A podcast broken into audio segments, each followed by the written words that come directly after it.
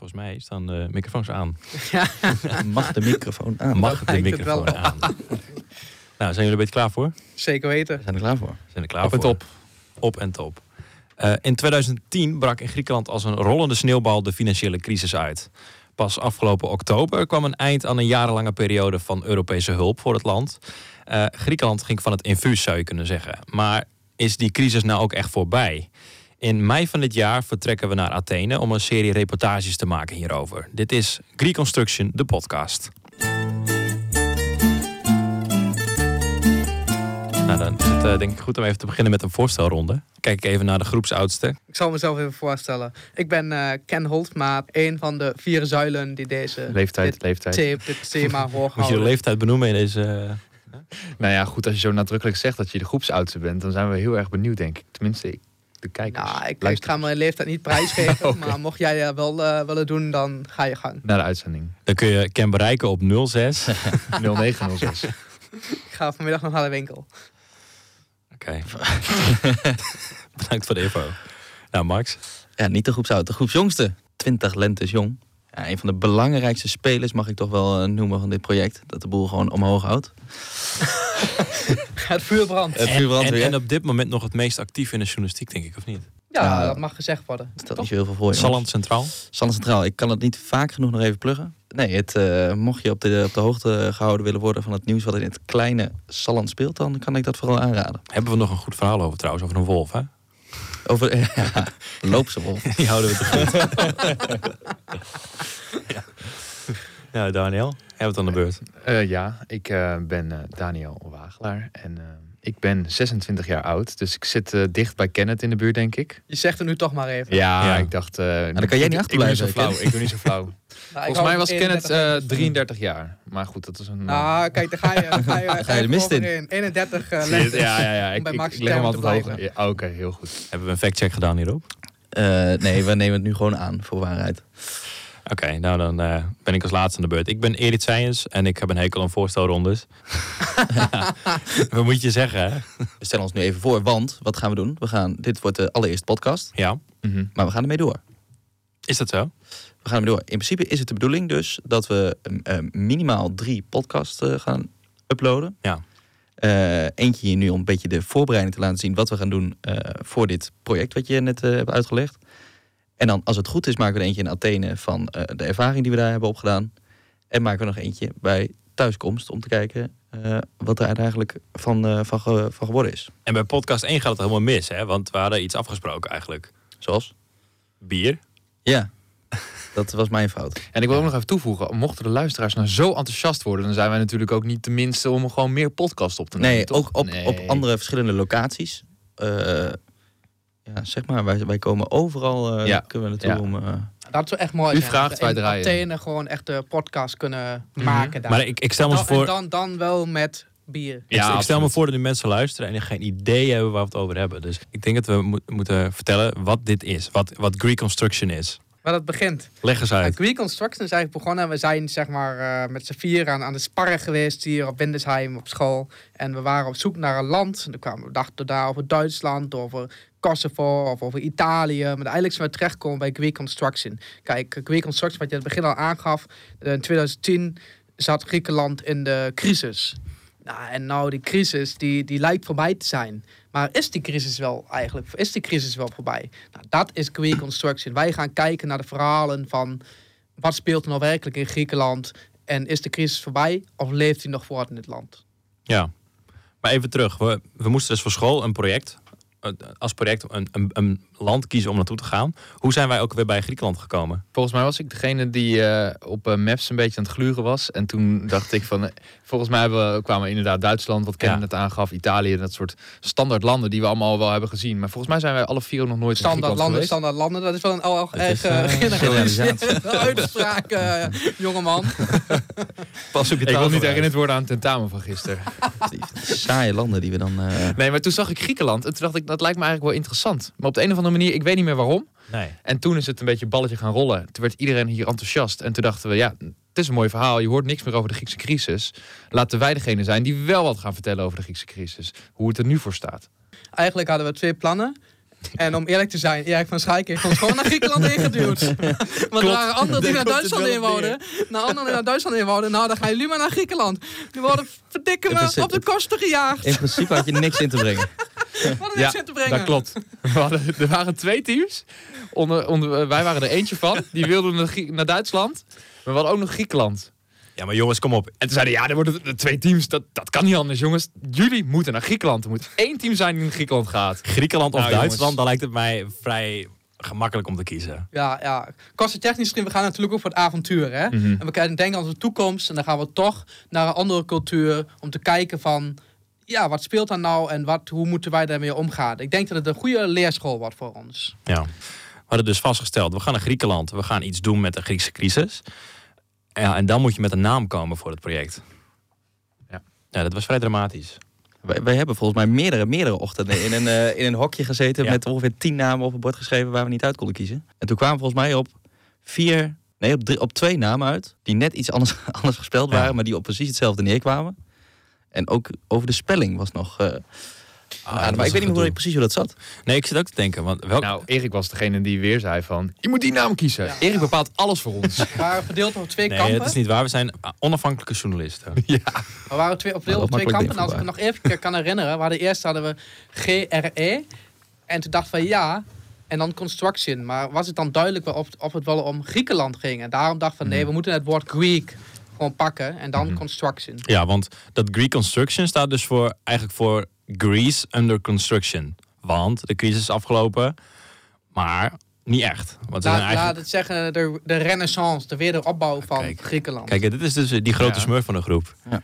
Met zijn wijsheden. Het schijnt dat, het schijnt dat de renaissance de- nog mee heeft gemaakt in principe. Of het is romanticus. Ik had het de Ja, laatste het even, even een andere, andere hoek. Ik had het er gisteren met de Daniel nog over. Zijn we wel in het juiste tijdperk geboren?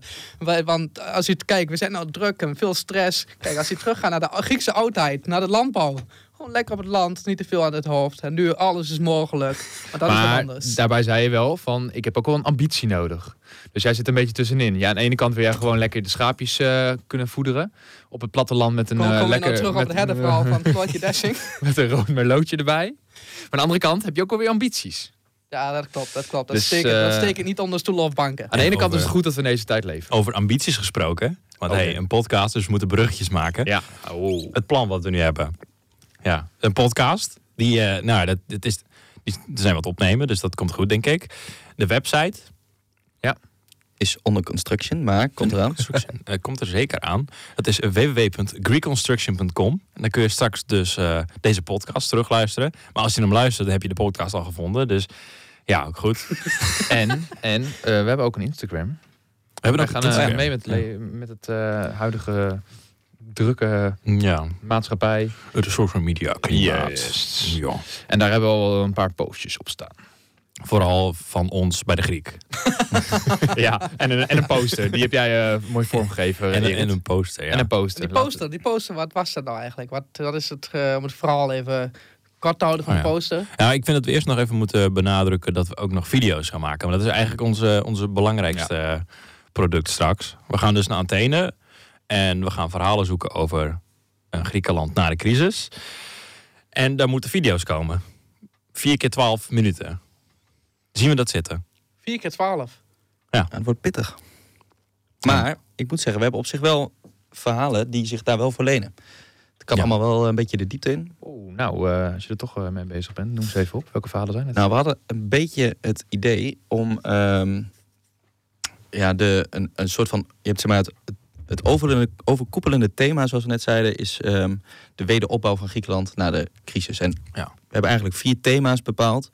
Bepaald moet nog even iets strakker inrichten, maar eh, die allemaal een beetje op dat, ehm, dat overkoepelende thema dus eh, terugkomen. Ehm, dus dan gaan we eh, onder andere kijken naar de innovatie, waarop Griekenland zich nu richt. We willen misschien nog wat doen over de jeugdwerkloosheid. Eh, en ik zeg nu alles even onder voorbehoud, want het kan zomaar zijn dat volgende week Ja, dat toch nog wat dingen anders eh, worden een gedaan. beetje alle kanten op. klopt. En ik was zelf een beetje aan het kijken naar de gevolgen voor een gewoon Grieks gezin van de economische crisis. Want dit wordt natuurlijk vooral op, op, eh, in Brussel besloten en het gaat allemaal een beetje over en weer. En eh, misschien dat daardoor de gevolgen voor de normale, het normale Griekse gezin een beetje onderbelicht blijven. Ja. En hoe worden zij dan getroffen door Maar bijvoorbeeld hoe, zo'n crisis? hoe ga jij eh, een Grieks gezin vinden waar jij naar binnen kunt dringen en dan gaat filmen? Hoe doe je dat? Nou, de research leerde dus dat een gemiddeld Grieks gezin al redelijk ver beneden het, ehm, eh, het, het, niveau van een, van een jaarinkomen zit. Dus je gaat ze geld geven. Nou hier heb je een paar knaakjes. Nee, eh, maar het... eh, Wat een journalist. de afhankelijke. Je geeft wat geld en dan mag jij filmen. Nee, maar het, het, zit, eh, kijk, het is dus wel gewoon een groot probleem. Dus het lijkt me, het lijkt me op zich nog wel ehm, aannemelijk dat mensen daarover willen praten, aangezien het. Godverdomme. wat is Erit, dit wil jij eh, je contacten buiten de... Excuus. Is dat Oh. de wolf die terugkomt? Nee, zeker niet. dit, is, eh, dit is Lars Bauma. Laat Boma. Shout-out. Als je luistert, leuk dat je meedoet. Door. Oh, Max, was je gebleven? Ja, dat weet ik dus eigenlijk ook niet meer. Het omkopen van een Grieks gezin. Oh ja, ik wilde dus inderdaad Grieken gaan omkopen omdat ze niks, eh, geen geld hebben. Nee, kijk, het is natuurlijk een eh, redelijk groot probleem. Dus het lijkt me dat meerdere mensen... Ben je nou een verhaal aan het maken op Greek Construction eh, Instagram? zeker. Want ik had precies hetzelfde idee en ik heb al een filmpje gemaakt. Maar ga vooral door. Ah. Dan sluit ik die nu weer af en kan ik verder met mijn verhaal. Ehm, ja, dus aangezien het een redelijk groot probleem is, lijkt me dat mensen daar wel over willen praten. En gelukkig hebben wij inmiddels ook al wel wat contacten lopen in Griekenland slash Athene. Zoals? Onze zeer gewaardeerde collega Connie Keesen. Haha, Connie. Connie, gaan we daar later op terugkomen? Of, eh, Nee, ik vind het... Connie is zo'n belangrijk onderdeel van dit project. We moeten Connie eh, in het begin van deze podcast al eh, uit, uitleggen. En, Mm. en op een voetstuk zetten, vind ik. vind ik ook. Ja. Een Grieks standbeeld. Grieks stambeeld. Zij is de schakel. Beschakeld naar de verhalen. Was dat echt onze eerste bron? Nou, uiteindelijk was het wel... We gingen zoeken naar correspondenten. En dan Connie, ja, dat, die schijnt al... Die is al vrij lang, sinds de jaren 90, actief in eh, Griekenland. Dus dat is wel een belangrijke speler voor ons. Zij kan natuurlijk... Zij kan ons natuurlijk verder helpen aan andere ja, bronnen. ja, ik vond bijvoorbeeld ook wel, ze gaf een tip, want wij wilden dan ook misschien wat doen eh, over eh, de vluchtelingenkampen in Griekenland. Ja. Eh, meld je goed, snel of ver van tevoren aan, want anders dan, eh, gaat het hem echt niet worden. Maar over, daarover Kast. bronnen gesproken en over eh, Connie. Ja. We, waren, eh, we zijn natuurlijk ook hier al actief geweest, ook met bronnen benaderd. Dus, eh, Daniel en ik zijn naar de Tivoli Vredenburg gegaan in Utrecht. Wat begin maart, daar waren ze, we, zei, we gaan ze halen. Dat was het project dat in, Leg jij het maar even uit. in eh, december naar Athene is gegaan om Mhm. die vluchtelingen op te halen. Nou, en die eh, kwam met de staat van de relocatie, kwamen ze terug. Nou, Daniel, wat, eh, wat hebben we daar meegemaakt? Eh, daar hebben ze een beetje de, de huidige, waar staan ze nu zeg maar, aangegeven. Daar hebben ze een soort van tussenreportage gegeven over wat er nu uit is gekomen, wat zij toen in december hebben gedaan. Er werd een beetje lachen over gedaan in de media dat die bus die ze hadden waarmee ze die vluchtelingen terug wouden halen, dat die steeds uitviel. Eh, maar eigenlijk als je die verhalen zo hoort, ehm, dan is dat eigenlijk best wel schokkend. En dan vind ik het eigenlijk ook wel een dingetje dat de media toch wel zo, zo lach over hebben gedaan. Eh, er waren een aantal, het was een dokter en een, eh, een huisarts die daar in het kamp werkte. Een Nederlands huisarts en een psycholoog. Die kwam ook spreken op dat evenement. En die zei ook van, goh, er komt elke week een jongetje die zichzelf snijdt. Doen wij een gaasje op en eh, dan eh, die week daarna komt diegene weer met hetzelfde probleem weer terug. Dan denk ik, ja, dat is toch ook wel nieuws wat je, eh, wat je als media naar buiten kan brengen. Maar goed, er waren nog veel meer gasten. Ja. Tinkerbell. Nou. Tinkerbell gast was een kunstenares. Die, eh, die, die overigens, die laatst toen uh, Freek de Jong over Thierry Baudet losging, stond zij ook, eh, stond zij ook op. In Zij- die zaal. Ja? Ja, dat was Tinkerbell. Zij was Tinkerbell. pro of tegen? Sorry? Zij was pro of tegen? nou, die zij was wel eh, met, Oh. met Freek hoor. Ja? Ja. Zij heeft toch een keer, handen eh, zij heeft toch een keer katten afgemaakt voor een bepaalde... Wat? Ja, ik ga het nu even factchecken. Het Oh, gaat weer alle kanten op. Het gaat We waren net zo goed lekker serieus Ja. bezig. Wie waren er nog meer? Er was Ja, ook ik- een Griekenland-deskundige. Ja, een Griekenland-deskundige. Nou, dat was eh Nadipa, als ik de naam goed uitspreek. Ik ben Mhm. de naam even kwijt. Mhm. Nou, dat was wel interessant. Wat, Eh, wat was er interessant aan dan? Ja, wat, welke verhalen ze heeft verteld. Ik ben haar verhalen persoonlijk even kwijt. Want ik was vooral eh, druk met ehm, Rico Voorberg, de voorzitter van We Gaan Ze Halen. En eh Eduard Nazarski, de voorzitter van Amnesty International. En die twee heb ik later nog geïnterviewd. Maar is het Amnesty of is het Amnesty? Nou, het ligt er net aan. Ik heb het misschien zeg ik het verkeerd. Am- Ja, nou- Amnesty? Ik heb het even Amnesty. opgezocht. ik heb het altijd als Amnesty gezegd. Ik ook. Amnesty. Heet- Amnesty? Amnesty. Amnesty. Nou, oké, dat zal waarschijnlijk aan mijn Engels liggen. Dat, eh, dat gaan we later deze maand. Misschien moeten we Geert Bouw erbij. Ja, die ja, heeft daar ja. heel veel verstand van. Amnesty. Pats en pads. Maar eh Kenneth, ik heb Wacht, even, oh, wacht even. opgezocht. Oh, wacht, de fact-check wacht jongens. even. Najida, Fact-check. Najida, Najida Lagrib. Schreeuw door elkaar. Hou even back. De factcheck is eh, In is het 2004 kreeg Tinkerbell landelijke bekendheid met een handtas die zij gefabriceerd had van het bont van haar eigen kat. Ze gaf daarbij aan een dier zelf gedood te hebben door, het, door de nek te breken en te villen. Oh mijn god, waarom? Cru. Ik vind het cru. Wat, wat is zo'n punt dan? Ja, ik, maar dat vraag ik me bij Freek de Jong ook wel eens af. Dus in principe ze hele wel redelijk in zo'n geloofwaardigheid staat. gaat eraan. Maar even terugkomen op het verhaal wat waar, eh, waar, ja, waar, waar we waren bij Tivoli Vredenburg. Hmm. En, eh, het ging ja, voornamelijk over Rico. ja, ja, toen hebben we dus Rico geïnterviewd. Nou, met, En eh, hij is de initiatiefnemer. Ja, en wat, eh, wat zijn plannen zijn voor de toekomst. En daarnaast heb ik dus eh, Amnesty, eh, Amnesty, Amnesty de, de voorzitter geïnterviewd. Nou, en daar ben ik een, heb ik een reportage van gemaakt. En die kun je binnenkort eh, terugvinden op onze website agreeconstruction.com. Maar goed, eh, we hebben wel een beetje toegelicht nu wat we gaan doen. Een podcast of drie podcasts, een website en video's, reportages. Gaan we straks ongetwijfeld meer over eh eh, vol blaffen in deze microfoon. Eh, ik ben heel benieuwd, voor jullie begonnen met, met dit project, wat wisten jullie van Griekenland? Griekenland. Ja, en Adriaan. Ja dat was ook ja, dat was legendarisch. Griekse les. Ja. Mijn kennis persoonlijk van Griekenland was echt, is nog steeds denk ik, super beperkt. Ja, dat, dat Ja, kan ik me weer aansluiten. Die Griekse oudheden. En natuurlijk dan die crisis. En Gyros! ja, en En, en, Gyros. en, eh, En Tzatziki. Tzatziki. Angelos Charisteas. Wie? Ja, ja, ja, ja, ja, legendarisch. de legendarisch. sport, maar ze zijn dus een keer eh, totaal volkomen onverwacht Europees Europees, kampioen. kampioen geworden. Dat was Griekenland stond in de rap en roer. Prachtige voetballer. Welk jaar was dat? Als ik het goed heb, was Zal ik even factchecken? Ik denk eh, Komt-ie weer. 2004, als ik het goed heb. Maar ik kan het mis hebben. Moment. Ga even door dan. eh, En eh, die Griekse minister op zijn op zijn motor. 2004. Goed, heel goed. Die, eh, die staat me ook nog bij. In, toen, toen in de crisis was er... eh, mm, even kijken hoe die man heet. Papandreou? Wat? Papa laat mijn piemelos? Nee, die, maar die kennen jullie nog wel, toch? Papandreou. Papandreou? De Lucie TV. Nooit van gehoord. Echt niet? Ah, dat was die, eh, die Griekse minister in tijden van de crisis. En natuurlijk heeft Lucie TV daar een geniale Janis Farouf... Nou, dat wordt nog leuk in Griekenland. Janis Varoufakis. Varoufakis. Nou goed, hij, eh, hij wilde niet met elite aan tafel zitten. Hij voelde zich los van... eh, hij wilde het allemaal apart aanpakken. De hele crisis. Kwam op zijn motortje.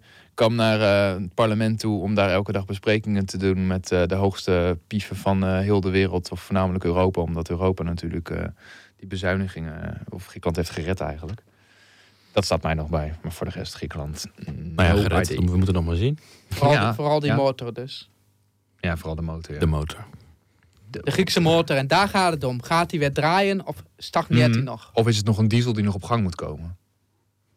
Ja. Toch weer een, la- mooie analogie. Naar aanleiding van de, de les weer. Ouders. Gertjan Ouders shooter. Bedankt, Gert-Jan. Shootout of shout-out? Nee, wat Nee. ik wist van eh, Griekenland. Ja. eh, weinig. Ik was er nog niet eh, eerder geweest. Nee. Eh, en dan telt eh Gersonisos niet mee. En eh, ehm, nee, ik wist daar niet zo heel veel van. Je weet natuurlijk, eh, zoals we al zeiden, is het eh, nieuws over de Griekse crisis wel een beetje van de voorpagina's inmiddels verdwenen. Al was dat toen beetje vergelijkbaar met toen het, eh, zeg maar, het hoogtepunt van de vluchtelingencrisis was in de EU. Ja. Wat echt eh, dezelfde aandacht kreeg, was natuurlijk dat, eh, dat eh, eh, het probleem van toen met de kredietcrisis. En daar hoor je dus nu weinig van. En daarom vind ik het ook wel interessant om nu te kijken van wat, er, ehm, wat ze er nu aan doen om, eh, om de boel weer op te bouwen daar zo. Dus ik wist er eigenlijk niet zoveel van. Of En- af te bouwen. Of af te bouwen, ja, is een beetje slecht doen. Nee, dus ik ben, eh, ik ben wel eh, benieuwd van, eh, ehm, ja, hoe ze, hoe ze het daar hebben opgepakt na al die jaren van ellende. Ja, ben ik ook benieuwd naar. Ik zal nog te denken, wij zijn wel echt de generatie die is opgegroeid met Griekenland is crisis. Mhm. Ik bedoel, tien jaar lang Nou, tien jaar geleden. Ik was eh die 13. Ja. Ik zat net te denken, School TV Weekjournaal, maar dat, dat, dat was eerder. Dus ja. En daarom zou je ook kunnen zeggen dat generatiegenoten daar zo ook niet anders kennen. Dan Nee, er, zijn, er is een hele generatie opgegroeid met Griekenland heeft geen geld. Ja, en ik ben ook in mijn research voor de landen- en themastudies bezig geweest met... eh, dus kijken van wat de gevolgen zijn voor, de, eh, voor een normaal Grieks gezin. Ja. En eh, ja, daar kwam ook wel... Kijk, er zijn natuurlijk zoveel... Er is ontzettend gesneden in eh, subsidies, in, eh, voor pensioengerechtigden... maar ook voor in eh, bijvoorbeeld eh, studiefinanciering en zo.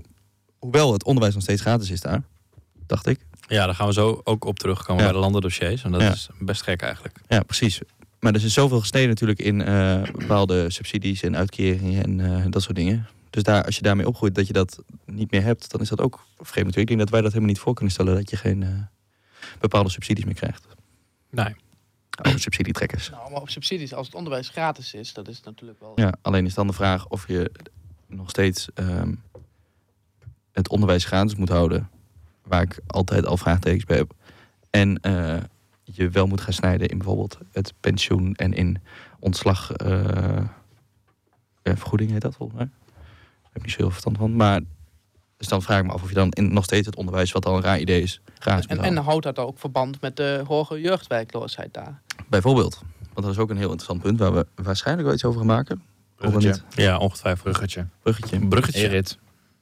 Ja, ik, ik, ik denk dat we het nu moeten hebben over de landendossiers. Oké. Want eh, vorige week moesten wij inleveren een compleet dossier over Griekenland. We hebben allemaal een onderdeel gepakt daarvan. Eh, ik had persoonlijk de jeugdwerkloosheid. Wat had jij ook alweer, Daniel? Ik had eh Piraeus, de haven van Athene. Oh De haven, Ik heb mij gestort op de innovatie. de innovatie. En ik de gevolgen voor een normaal Grieks gezin van de economische crisis dus. Ja, Daniel, wat zijn nou op, opvallendheden die jij bent tegengekomen in dat onderzoek? Nou, ik vind opvallend dat ehm, die haven. Je, je, je hoort natuurlijk de verhalen van de Griekse crisis. Dat er eh, veel eilanden zijn bijvoorbeeld ook eh, gekocht door eh, buitenlandse investeerders of noem maar op. Maar ehm, die haven, dat was dus heel lang gewoon Grieks bezit. Ja. En dat is nu de laatste decennia gewoon langzaam volledig overgenomen door een Chinese maatschappij. En, ehm, en dat was eerst alleen de terminals waar, de, waar het vervoer zeg maar, van de, eh, hoe noem je dat? Van de containers naar binnen kwamen. En nu nemen ze ook langzaam de toeristische sector daarvan over. Dus de cruiseschepen. En nu, opmerkelijke vond ik wel dat, dat een, een Griekse maatschappij of een, een Chinese maatschappij daar zoveel invloed kan hebben en dat eigenlijk daar helemaal over kan nemen. Maar goed, de keerzijde van dat punt is wel dat er is enorme innovatie in dat gebied en er is een enorme werkgelegenheid toegenomen. Ehm, ehm, er zijn nog wel een paar punten. Het meest recente punt is wel dat, ehm, wat ik dus net aangaf, de cruise terminals eh, gingen overnemen en dat ze de Chinese maatschappij die wilde daar dus vier hotels en een winkelcentrum en een distributiecentrum gaan bouwen. Maar vanwege de milieuwetten is de Griekse regering eh, daar niet heel erg blij mee. Dus dat zijn eigenlijk de meest recente dingen die spelen. Ik kan me wel voorstellen dat Griekenland een makkelijk land is voor China om daar eh, controle op uit te oefenen. Ja, nou goed, ik denk dat het ook een heel strategisch punt is voor, eh, voor China, omdat eh, dat soort toegang van Europa is. En eh, ja, goed, je ziet dat, dat China ook door heel eh, Europa een, eh, een, hele, een heel treinspoor aanlegt om zo snel mogelijk vanaf eh, de haven in Griekenland eh, de producten naar eh, andere landen te vervoeren. Dus eh, ja, je ziet er wel een enorme ontwikkeling in eh, gaande. Maar je zei ook dat bijvoorbeeld de werkgelegenheid dan wel toe is genomen. Mhm. Maar waarom eh, is dat dan ook eh, in de cijfers van bijvoorbeeld je- jeugdwerkloosheid al meegenomen? Dus dat, daar dat, eh, dat het daar ook minder wordt? Ja, dat durf ik, durf ik persoonlijk niet te zeggen. Ik, ik, denk, ik denk dat dat wel een, een beroep is, wat wel een soort ambachtelijk beroep is, wat, wat heel veel oudere mensen nog doen. Maar goed, dat is een beetje mijn eigen. eh, Een beetje vooroordeel, denk ik. ja, Of dat is een beetje hoe ik het zo. andere landen daar de vruchten van. Uiteindelijk kan je natuurlijk ook zeggen van eh, de jonge generatie kan inderdaad ook eh, daar flink aan de slag gaan. Dus ja, ik, dat is een goede vraag. Bedankt. Alsjeblieft. Ken, wat, wat, viel jij, wat viel jou op bij jouw eh, landenstudie? Nou, wat mij opviel, dat viel mij niet echt heel erg eh, speciaal dingen op. Maar wat mij bij is gebleven van die landenstudie, is dat eh, Griekenland een van de landen is in Europa waar echt minst aan innovatie wordt gedaan. En innovatie is toch wel de bakermat voor economische voorspoed en voor nieuwe banen. Dus dat zou de jeugdwerkloosheid ten goede komen. En dat zou ook ja, het baan en het het aantal banen in het algemeen eh, ten Ja. goede komen. Nou, en wat, waar ik me vooral mee bezig wil gaan houden, dat is eh, in 2013 is de Nederlandse ambassade, een, eh, or- ja, de Nederlandse ambassade, een organisatie begonnen, die heet Orange Groove. En dat doen ze samen met eh, andere Nederlandse partijen, maar ook met Griekse bedrijven. En de zoon van Erik van Schaik. Ja, ja die, Weer die Erik, hè? die, Ja. die, die is daar geweest. Die, die doet wat anders, maar die heeft daar zelf onderzoek gedaan. Nou, dat is een beetje, de, zo zijn we op het onderwerp gekomen ook. Maar over innovatie zelf. Ja, ze, er, is gewoon, het staat gewoon op laag pitje daar. En terwijl dat ja, ook eh, van de overheid zelf gaat er weinig van uit. En nu is er vorig jaar wel weer een nieuwe minister aangesteld. En er is onlangs een nieuwe, ook toch een soort van stichting opgestart om ook eh, de jongeren te gaan helpen met het opstarten van bedrijven. Want je ziet er gewoon dat er heel veel brain drain is en die werkloosheid is. Nou, dat moeten ze zien tegen te gaan. En daar is de Nederlandse ambassade in 2013 al mee begonnen. En mijn, mijn centrale vraag gaat dan ook een beetje luiden van... hoe kan het zo zijn dat innovatie zo eh, laag op de agenda staat in Griekenland? Vanuit, vanuit Europa wordt natuurlijk wel een beetje eh, aangedrongen op innovatie. Hè? Want er zijn voor die, om die jeugdwerkloos tegen te gaan, zijn er eh, fondsen beschikbaar gesteld om start-ups bijvoorbeeld aan te moedigen. Nou, dat lijkt me dan weer een hele belang- belangrijke pilaar in die innovatie. Dat ook nieuwe ideeën eh, bodem kunnen krijgen. Zeker, en dan dat kom je ook terug op die brain drain. Want juist die men, de jongeren met kennis, die willen ze juist in het land houden. Nou, die kunnen dan, krijgen de mogelijkheid om daar eh, bedrijven op te starten. Ja. En dat heeft ook al zijn vruchten afgeworpen. Want inmiddels zijn er, geloof ik, week op de site 160 start-ups zijn er mede, mede eh, tot recht gekomen door de organisatie Orange Group. Nou, daar wil ik dus even mee in gesprek gaan. Wat is er nou wel mogelijk wat voor dat de Nederlandse ambassade met die andere partijen deze organisatie opgericht, eh, niet mogelijk was. Nee. Dus wat is het verschil? En waarom kan het nu wel en waarom niet? En wa- wanneer kan de Griekse overheid dit zelf overnemen? Dat zij zelf weer eh, eh, het heft in handen nemen. En gaat dat ooit gebeuren? Want tot, mind you, 2060 of 2040? Nee, 2060 zijn ze nog aan het afbetalen, hè? Als dat ook ooit gaat gebeuren. Want Als dat ooit gaat dat, gebeuren. daar las ik ook wel artikelen over. Dat eh, er al verzachtende maatregelen. Wordt nagedacht over verzachtende maatregelen die getroffen kunnen worden. Om te voorkomen dat Griekenland straks weer ehm, ja, onder water komt te staan. En wat in mijn eigen onderzoek naar dat, dat, dat eh, jeugd, eh, die, die jeugdwerkloosheid wel opviel, was inderdaad wat, wat jij ook aankaartte, Max, dat de Griekse overheid eigenlijk al het onderwijs gratis beschikbaar stelt, inclusief boeken. Nou, we zaten helaas nog te klagen over een boek van 35 euro wat we zelf moesten betalen voor één toets. Maar dat wordt dus in, eh, in Griekenland gratis aangeboden. Maar eh, doordat dat gratis is, gaan jongeren studies kiezen die niet per se aansluiten bij de vraag op de markt. Maar juist studies met een hoge, hoge allure. Met ja, studies medi- medicijnen. eh, dat, dat, nou ja, goed, je, je snapt het wel. Jij moet te lachen. Ik keer met boer. Boer. Ik ken het even heel stuk. Van zijn adem kwam op.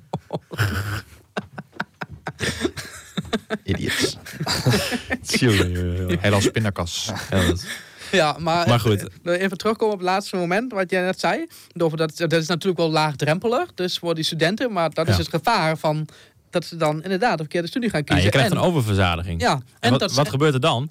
Eh, er- is een overschot aan mensen die medicijnen gestudeerd hebben. Ja. En, en, en het is natuurlijk hetzelfde wat we ook vorig jaar al een beetje geleerd hebben. Het is niet waar hun passie ligt. Ze kiezen dan meer voor het geld. Ze zien meer het geld boven hun hoofd eh, spoken. Boven hun hoofd, ja, we gaan, maar uiteindelijk was het niet hun passie. Dus maken ze de studie niet af. Nou, en dan ben je weer terug bij af. Ja, dat, dat is ook een gedeelte. Maar je krijgt dus die oververzadiging van bepaalde beroepen. Waardoor die Griekse jongeren eh, naar het buitenland gaan trekken. Naar Duitsland, naar Engeland. En dan heb je dus een...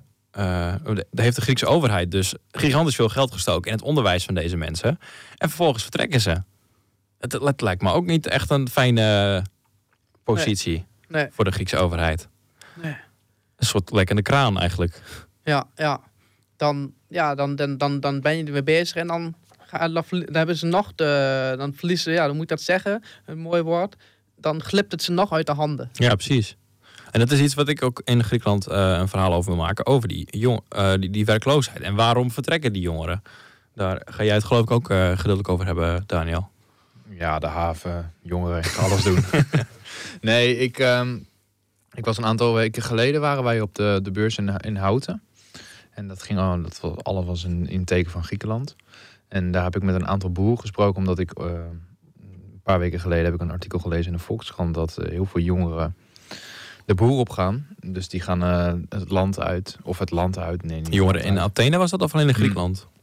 Of in Griekenland? Nou, meer gewoon vanuit de grote steden gaan ze, vertrekken ze naar het platteland. Terug naar een eh, geboortedorp of waar hun opa en oma vandaan komen. En dat ze dan daar gaan werken als boer, omdat er gewoon geen werk is. Ja, ik heb het onderzocht of eh, de mensen in, eh, op de beurs in Houten dat ook zo vinden. Ja, er was een beetje een wisselende mening over. Eén vrouw zei wel van, ik vind het mooi om het, eh, om, om het eh, ja, vooringenomen mening weg te halen dat Griekse mensen totaal niet werken. Want die hebben juist heel veel banen. Ja. Sommige mensen hebben juist vier of vijf banen per persoon. Dan hebben we dat in ieder geval wel uit de lucht geklaard. En eh, nou, de anderen gaven wel toe dat het inderdaad zo is. Maar ik sprak, ik sprak bijvoorbeeld wel een boer in ehm Thessaloniki. Dat is wel helemaal weer in het noorden van het land. Dus ja, ik, ik, ik, ik vind het lastig om dat zo te stellen. Of dat ook echt zo is. Want heel veel mensen zeggen dat het zo is. Maar echt concrete voorbeelden kan ik nog niet zo 1, 2, 3 vinden. Nee, precies. Max, jouw eh, landendossier. Wakker worden.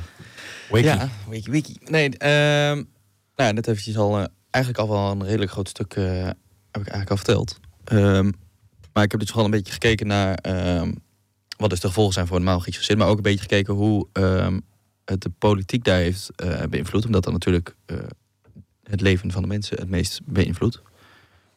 En wat je zag is dat de toenmalige regering toen het echt heel slecht ging. Die heeft jarenlang veel betere cijfers gepresenteerd aan de Europese Unie van hoe het ging. Ja. En daar is eigenlijk de hele kredietcrisis, eh, ja, nou begonnen wil ik niet zeggen, maar Ja, nog- Omstreeks 2010 inderdaad. Ja. eh, ja. en dat was dus systematisch de boel eh, voorliegen. Ehm, nou, daar zijn ze dus toen achtergekomen. En ehm, toen moest er een, een groot... nou, ik ga het natuurlijk even heel wat jaren overslaan... maar er moest een grote steunpakket moest naar Griekenland... om de boel daar financieel te redden. En ze waren bang dat ze de euro mee zouden slepen in, hun, in de ellende. Ehm, dus ging een groot steunpakket naartoe... maar daar, daarvoor moesten ook allemaal eh, maatregelen getroffen worden... En daar heeft het dus eh, de Griekse bevolking het meest geraakt. Door dus wat ik net al zei, in die subsidies te snijden en dat soort dingen. En ehm, bij de vorige, volgende verkiezingen werd, ehm, werd, dat, werd de toenmalige regering daar ook keihard op afgerekend. En hebben ze voor een nieuwe regering gekozen, die er nu nog steeds zit. Volgens mij was dat in 2014. Wo- Wordt binnenkort gefactcheckt. en ehm, ja, dus toen zijn er, zijn er verschillende ehm, maatregelen zijn wel geschrapt. Maar op zich eh, is, is daar volgens mij niet heel veel veranderd. Wat moest er gewoon bezuinigd worden. Anders kwamen die steunpakketten niet. eh. ze moeten natuurlijk ook gewoon aan de normen van de Europese Unie voldoen. Ehm, dus ja, daarom, daar kun je dus al een beetje zien wat voor consequenties het heeft gehad voor een normaal Grieks gezin. En ik moet nog eigenlijk nog, eh, ik ga denk ik met eh, onze welgewaardeerde collega die we net al even benoemd hebben, Connie Geesemaars, denk ik, eh, mailen of zij voorbeelden heeft van gevallen waarin mensen erg hun best moeten doen om rond te komen na bijvoorbeeld de crisis. Want je zag ook bijvoorbeeld dat mensen met een eigen bedrijf, dat die ook zwaar getroffen werden door de, door de crisis. En daar kun je dus misschien ook wel een beetje dat innovatie aan teruglinken. Ja. Ehm, van nou, hoe is dat toen gegaan? En daar wil ik dan daar wat verder op inzoomen. Joist. Het heeft eh, denk ik wel veel nieuwe inzichten opgeleverd, die eh, studie. Zeker. Ik ben wel blij dat hij eh, erop zat trouwens. want Dat is een eh, bultwerk nog. Maar goed, Met heel veel plezier gedaan. Mhm. dan heb je wel iets meer context om straks je producties Nee. te maken. Het levert Uiteindelijk, wel, ja, precies. Uiteindelijk heb je gewoon veel meer inzichten. Het levert er meer. Nou, en, en we moeten even zeggen dat we niet, we hebben het wel onze eigen thema's onderzocht. Ja, Maar dat we natuurlijk ook grotendeels gewoon dit project samen gaan doen. dat is zeker En waar. volgens mij is dat een beetje een unique selling point. Aangezien we dan op die manier denk ik veel betere producties maken dan dat je zelf gewoon op pad gaat ergens in een vreemd land en jezelf moet, moet zien te rennen. Als je met vier man sterk bent, dan is het denk ik toch iets beter. Dus ik denk, Ja, uiteindelijk zegt iedereen hier nu wel heel erg leuk van ik ga dit doen of dat Ja. doen. Maar uiteindelijk eh, gaan we dat gewoon met z'n vieren. Nou ja, je moet denk ik wel een, eindveran- een, een eindverantwoordelijke... ja, uiteindelijk Ja. is er altijd iemand die iets meer weet van het onderwerp, omdat hij Ja. zich dus via deze thema's En ik, heeft. ik, ik stel me ook voor, iedereen heeft een aflevering. Dat, dat degene, de eindverantwoordelijke, wel de storyboarding en weet ik het, de, de, de grote lijnen uitstippelt. Mhm. En we moeten niet vergeten, we zijn hier nu op 29 maart. Ja. Het staat voor de deur. Dus er moet nog even flink wat gebeuren. Ja, want 5 mei gaan we weg.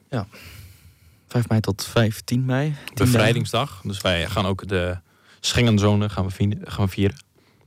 Schengenzone. En de winst van Ajax. De bekerfinale op Ah, die dag. ah. en het bevrijdingsfestival missen. Ja. Dat is wel, ja, dat is wel We geven er wat voor op. Nou, En het is op een Goed. zondag. Alles dus voor de rustdag. Hebben we nog meer? eh, nog meer Meer geklaag. te of, we ons Hollands eh, geklaag. of we ons op voor de verhalen die we gaan maken. Dat is waar. Ja. Ja. Eh, we hebben al best wel wat bronnen gesproken volgens mij. Ja, je kijkt mij aan. Ja, ik kijk, ik kijk jou even aan. Want je, hebt Eh, je, hebt, je hebt al meerdere mensen gesproken eh, over Griekenland, over jouw Nou ja. Kenneth en ik gaan we het net inderdaad al aan. We hebben Rico gesproken. Van we gaan ze halen. Eh Najib dan. Najida. Najiba. Ehm, ik heb dan zelf Anna en nog een aantal mensen op, eh, Ja, op de beurs op, die gesproken. beurs en expo, of die Ja. expo in Houten, die was Mhm. de Greek Dutch eh, expo. Ja. Die was echt vruchtbaar. Was vrij klein- kleinschalig uiteraard. Ja. Maar toch wel, eh, de mensen Nou, waren Kenneth, wel jij hebt meer mensen gesproken. Nou, Die kregen meer, meer, meer. Misschien moeten we dat even toelichten nog, die, die beurs in Houten. Die Ja. beurs in Houten. Op een gegeven moment vonden wij, via via, vonden wij eh, dat er nou, een, over twee weken, vanaf het moment dat we dat vonden, een beurs zou zijn. Een Grieks-Nederlandse beurs. Dat klopt. Nou ja, en dan denk je, dit is goud. We gaan een project over Griekenland doen. We moeten bronnen vinden. Ja. Dit, dit, is, eh, dit is de hemel. Dit is gewoon een godsgeschenk.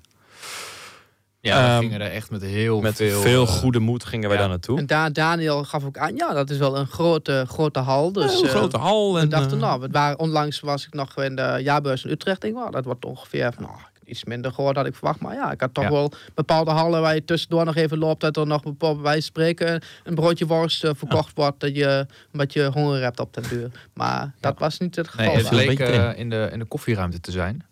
Van de, de beurs. Dus eh, nee. Ja, als als Nee, vier enthousiaste schooljongetjes gingen we daar naartoe. Ja. En we werden eigenlijk al snel geconfronteerd met een eh, ja, grote teleurstelling. Nou, maar het- Het was een- ik vond het, ik vond het, Het was een teleurstelling. deceptie. Ik vond, ik, vond, ik vond het nogal meevallen. Juist omdat het kleinschalig was. En het was niet zo druk. Hadden de mensen wel eh, tijd voor je. Ja, dat is waar. Kijk, en ik moet wel zeggen, het- had de uitstraling niet. Maar de bronnen die er stonden, die hadden wel wat leuks te vertellen. Zeker. Ja, en zeker. het had allemaal wel te maken met Griekenland. Maar ik denk dat onze verwachtingen te hoog waren. en het was drie dagen, daar hadden we ook niet op gerekend. maar wat En we je- waren bij de open, maar- voor de opening waren Ja. we. Dat is maar ook niet heel... Maar wat waren jouw Hmm. verwachtingen dan? Mijn verwachtingen waren een soort eh, ja, een grote expo. Gewoon, gewoon met rijen en rijen en dat allemaal... Een soort vakantiebeurs, maar dan alleen gericht op eh Ja, dat. Nou, dat was het niet. Nou, dat, nee, dat was het zeker niet. Ja, dat waren ook niet mijn verwachtingen eigenlijk. Ik weet niet wat mijn verwacht. Ik had het niet echt verwacht. Ik ging een beetje blanco in eigenlijk. Ah, jullie hebben wel wat gemist hoor. Want eh, Max en Irit gingen eerder weg. Maar Kenneth en ik hebben nog meegebingoed. Zeg We op. hebben ja. daar, we daar nog eh, een man gesproken die het razend enthousiast zijn. Lief, zijn lief van, de, van het nieuws. Zijn we nu live? Zijn we nu live? ja, zijn we Nee, nu live? CNN. Ja. Kom, ja, Schakel nu over naar Hij wil, Amerika. hij wil heel graag praten en het ging over een, net een eh, wel interessant. Ergens in het noorden van Griekenland een soort van eh kersenfarm. Ja. Nou, die echte, ja, hij wou dat hier eh, op de markt ook brengen, die kersen. Ik vroeg Ja. hem nog wel een beetje, wat zijn het voor kersen? Maar ja, dat, daar werd ik niet veel voor wijzer van. Ja, hij had een heel mooi verhaal, maar zijn stand viel eh, langzaam uit elkaar tijdens dat gesprek.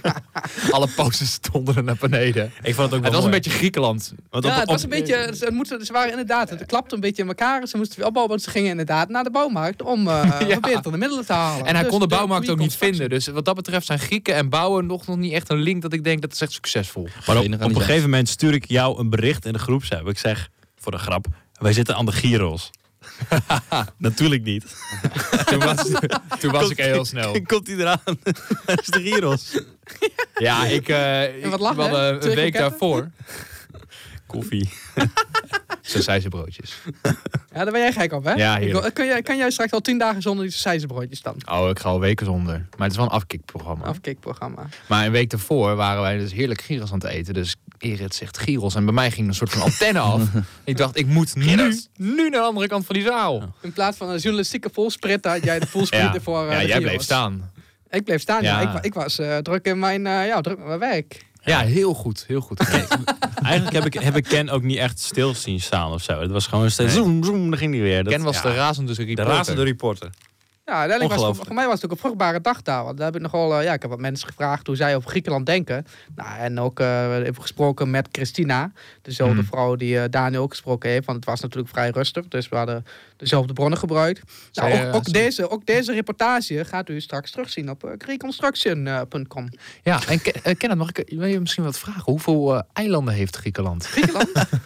maar ja, misschien heb jij het antwoord nog niet gehoord. Hoeveel denk jij? 3000. of- 3000, en max wat 3000 denk ik ook. 3000. Kijk, een man daar, daar, daar wist de reacties daar, daar geef ik een klein, klein stukje van de sluier geef ik weg. De man daar die gaf 15.000, de andere dacht ook 3000, maar het zijn er, eh, ja, dat gaat u straks Ja, toch dat gaat straks Maar je hebt op die beurs eigenlijk gewoon een kennisquiz gedaan. Een soort van Ja, kennis. en, eh. vieren ze nou naamdagen of eh Hoe verjaardagen? zit dat eigenlijk? ja, ja. nou, ook, dat, ook, ook, Schiet één dat, te Geef binnen. nou niet alles weg. eh. ook, ook, ook dat gaat u horen eh, tij- eh, Heel op goed. de reportage. Wat, wat een teaser, die man. Ja. over ons horen gesproken. We moeten nog even hebben over onze afspraak. Wat ik, dat vind ik eigenlijk ook nog wel tof. Ja. Onze, nu we het ook een beetje over bronnen hebben. Helaas. Onze afspraak bij Hellas. Helaas. Ja. Jij hebt dat eh, geregeld. Want op een gegeven moment, Ken, jij, jij kwam met Hellas volgens mij. Ja, ja, ik had wel een beetje gekeken, maar ik dacht van ja, helaas, helaas. En die heeft ook wel op zich wel goede, interessante websites. Met, met stichting, met alles. Maar eh, ik vond, ja, wat moet ik daarmee? En ik denk van laat ik het eens gaan delen in de groep. En toen is Ja. Gerrit er erin gedoken. Ja, dat is dus een ehm, Griekse radiozender, of eh, radioprogramma, wat vanuit Amsterdam, de Salto Studios, wordt gemaakt. Volgens mij, ik weet het niet zeker, maar hoe ik het zag, ze, er is gewoon een bepaald station. En zij hebben dan zendtijd. En dan op bepaalde momenten maken zij eh, programma's vanuit Amsterdam. Ja. ja, en daar willen ze de, de Griekse Nederlanders mee bereiken. Klopt. Dat is het idee, toch? Ja, en ik dacht dat is natuurlijk interessant, want die, eh, die mensen zijn natuurlijk een spin in het web voor de, de Grieken in Nederland. Dus hebben ze een, eh, we hebben een bericht gedaan aan een Nikos. En we zijn uitgenodigd om in het programma eh Hellas Pindakaas te komen. Op eh, 11 april is dat. Dus eh, ja, dan gaan we natuurlijk eh Greek Construction even flink, eh, flink pluggen. Ja, zet het in jullie agenda. 11 april. Helaas, pindakaas. Het klinkt, het klinkt vrij triest, maar ik verwacht er veel Ja. van. Pindakaas is best lekker. Ja, oké, dat is waar. Nou, en ze hebben natuurlijk een groot netwerk, hè? Nee, dat is zeker. Maar eh, wat gaan wij daar doen dan? Eh, wat, wat is ons plan daarvoor? Ik ga eh, in ieder geval een interview met deze Nico's doen. Van tevoren.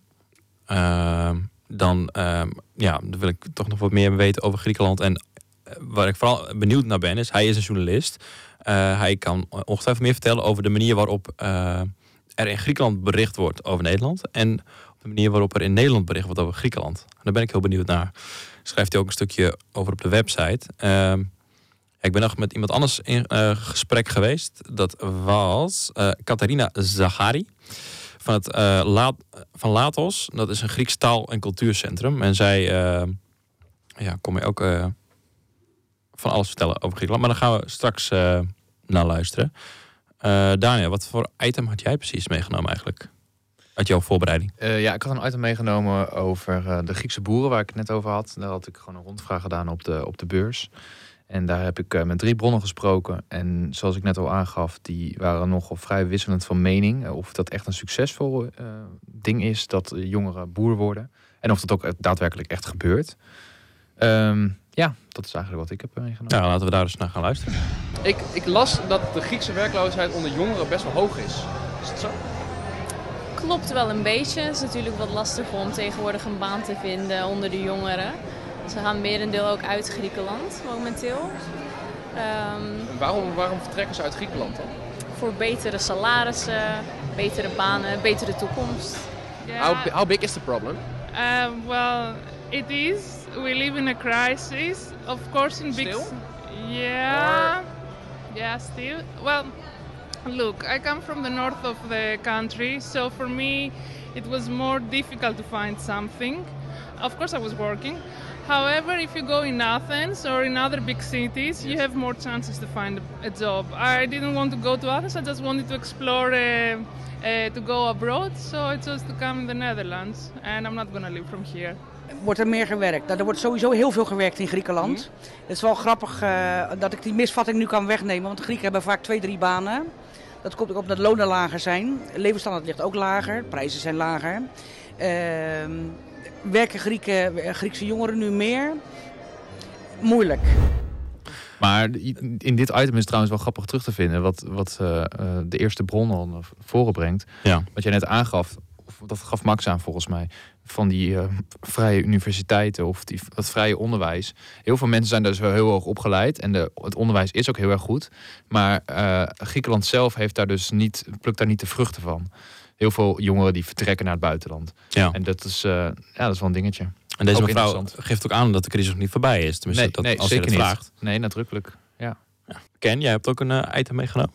Ik heb ook een item meegenomen. Ja. Ik ben eh, met een eh, Griekse meid in gesprek gegaan. Zo, daar, dat, daar begint elk goed verhaal mee. in, eh, op de universiteit in Amsterdam. Nou, en dan heb ik vooral een beetje over cultuurverschillen gesproken. Nou, en het fragment wat je nu gaat horen, ja, daar ging dat ook alweer over. Dan moet ik even de gedachten goed erbij hebben. Ehm, dat gaat over ehm, de drukte, het verschil in drukte tussen Nederland en Griekenland. Is het leven haastiger in Griekenland of in Nederland? Dat gaat, daar gaat het eigenlijk over. En het gesprek heeft jou nieuwe inzichten opgeleverd, neem ik wel aan. Zeker, het was zeer vruchtbaar. People from other parts call Athens a jungle. De jungle. A jungle, yeah. Why? Be- Because it's a lot of traffic, a lot of people in ru- in a rush. To it, a lot of it, it's because it's a big city. Um, you have to move from one side to another. We don't use we don't use any bicycle at all. We don't have this in our daily routine. But then you have the public transport. If the, the public transport, but most people use their cars. So it's More cars. Traffic, yeah, traffic. So I can see here, people are more chilled. Netherlands, they are more chill. Yeah. Okay, but but I, I in the um, in the way people, uh, their mentality in their work, like they're more. Okay, let's let's leave this. It's not necessary to do this now. Tomorrow is a good it's a good day to do it. We have this mentality, you know, to postpone things and yeah. Yeah, and that's it. the, the difference between Thessaloniki and Athens is that in Thessaloniki they say chill, uh, and in Athens it's a rush. Ja, wat, wat zij zegt, dat, dat kwam ook een beetje weer terug in dat interview wat ik had met eh Catharina. Ehm, er zit best wel een overlap in. Maar wat mij daar wel opviel, was dat, eh, dat sommige dingen die we uit het onderzoek hadden gevonden, dat herkennen zij niet Nee, als we het Griekenland voorleggen. nee. Heb je dat ook gehad? Ja, dat merkte ik ook met de onzekerheidsvermijding. Ja. Die staat echt 100% maximaal. Op die mensen van Hofstede praten we dan. 100%. We hebben voorgelegd aan, eh, heb ik dan voorgelegd aan Daphne. En heb jij waarschijnlijk zo Ja, voorgelegd klopt. aan Catharina. En ehm, ja, misschien had het ermee te maken dat ze niet helemaal begreep. Maar ze zei, ze, ze herkende zich daar totaal niet in. Nee. Maar wel, wel wat ze wel zei, dat heb je dan net een stukje niet gehoord, maar ze gaf wel aan dat uh, ja, daar zijn ze nog wel echt van de extended family. Dus ze zijn veel closer. En uh, ja, ze wil heel erg in haar comfortzone blijven. Ze moet, uh, het comfort is belangrijk. Ja. ja. De stap naar buiten toe, dat, is, dat vindt ze eng. Ja, misschien uh, laten we ook nog even gaan luisteren naar een stukje van Catharina. Is that something that, that that is ever no i think that uh, I, I haven't noticed it uh, i haven't noticed it but uh, for me but for me it was always the opposite because fr from the very first moment let's say when i left university i was working with foreigners. I was working in the beginning with um, uh, kids. Uh, after that, uh, with um, persons of 18, 18 years old who, who were grown up abroad, but they were of Greek origin and they Yeah. would like to be back and um, take exams for the national Greek uni- universities. And after that, um, I was teaching and I had to do every day with foreigners. So I think that I felt something. I felt very familiar with uh, the different cultures, with the different ideas, uh, and um, of course, I was uh, get used um, not only to appreciate um, what belonged uh, in uh, my culture and uh, in my nation, but always to respect the difference, the difference of other peoples and of other nations and of other cultures. Maybe it is something that we miss as a nation, as a folk. Yeah. To appreciate the difference and to accept the difference. Ja, dat was eigenlijk het laatste item wat we, wat we meegenomen hebben. Eh, ik ben benieuwd, eh, zijn er dingen waar jullie tegenop kijken? Waar jullie erg zin in hebben in de reis?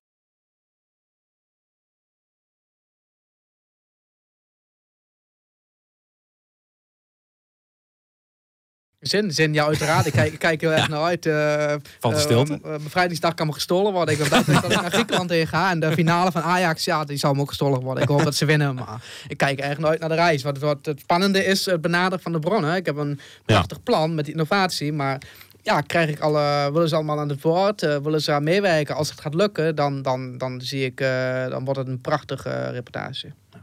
Nou, en wat ik hoorde, ook bijvoorbeeld op die beurs, is dat ik sprak met eh, iemand van de, de Griekse gids die daarvoor schrijft. En die zei: Ik, ken, ik ben op, eh, in vrij veel landen geweest, maar ik ken weinig mensen die zo gastvrij en eh, die graag willen helpen als Grieken.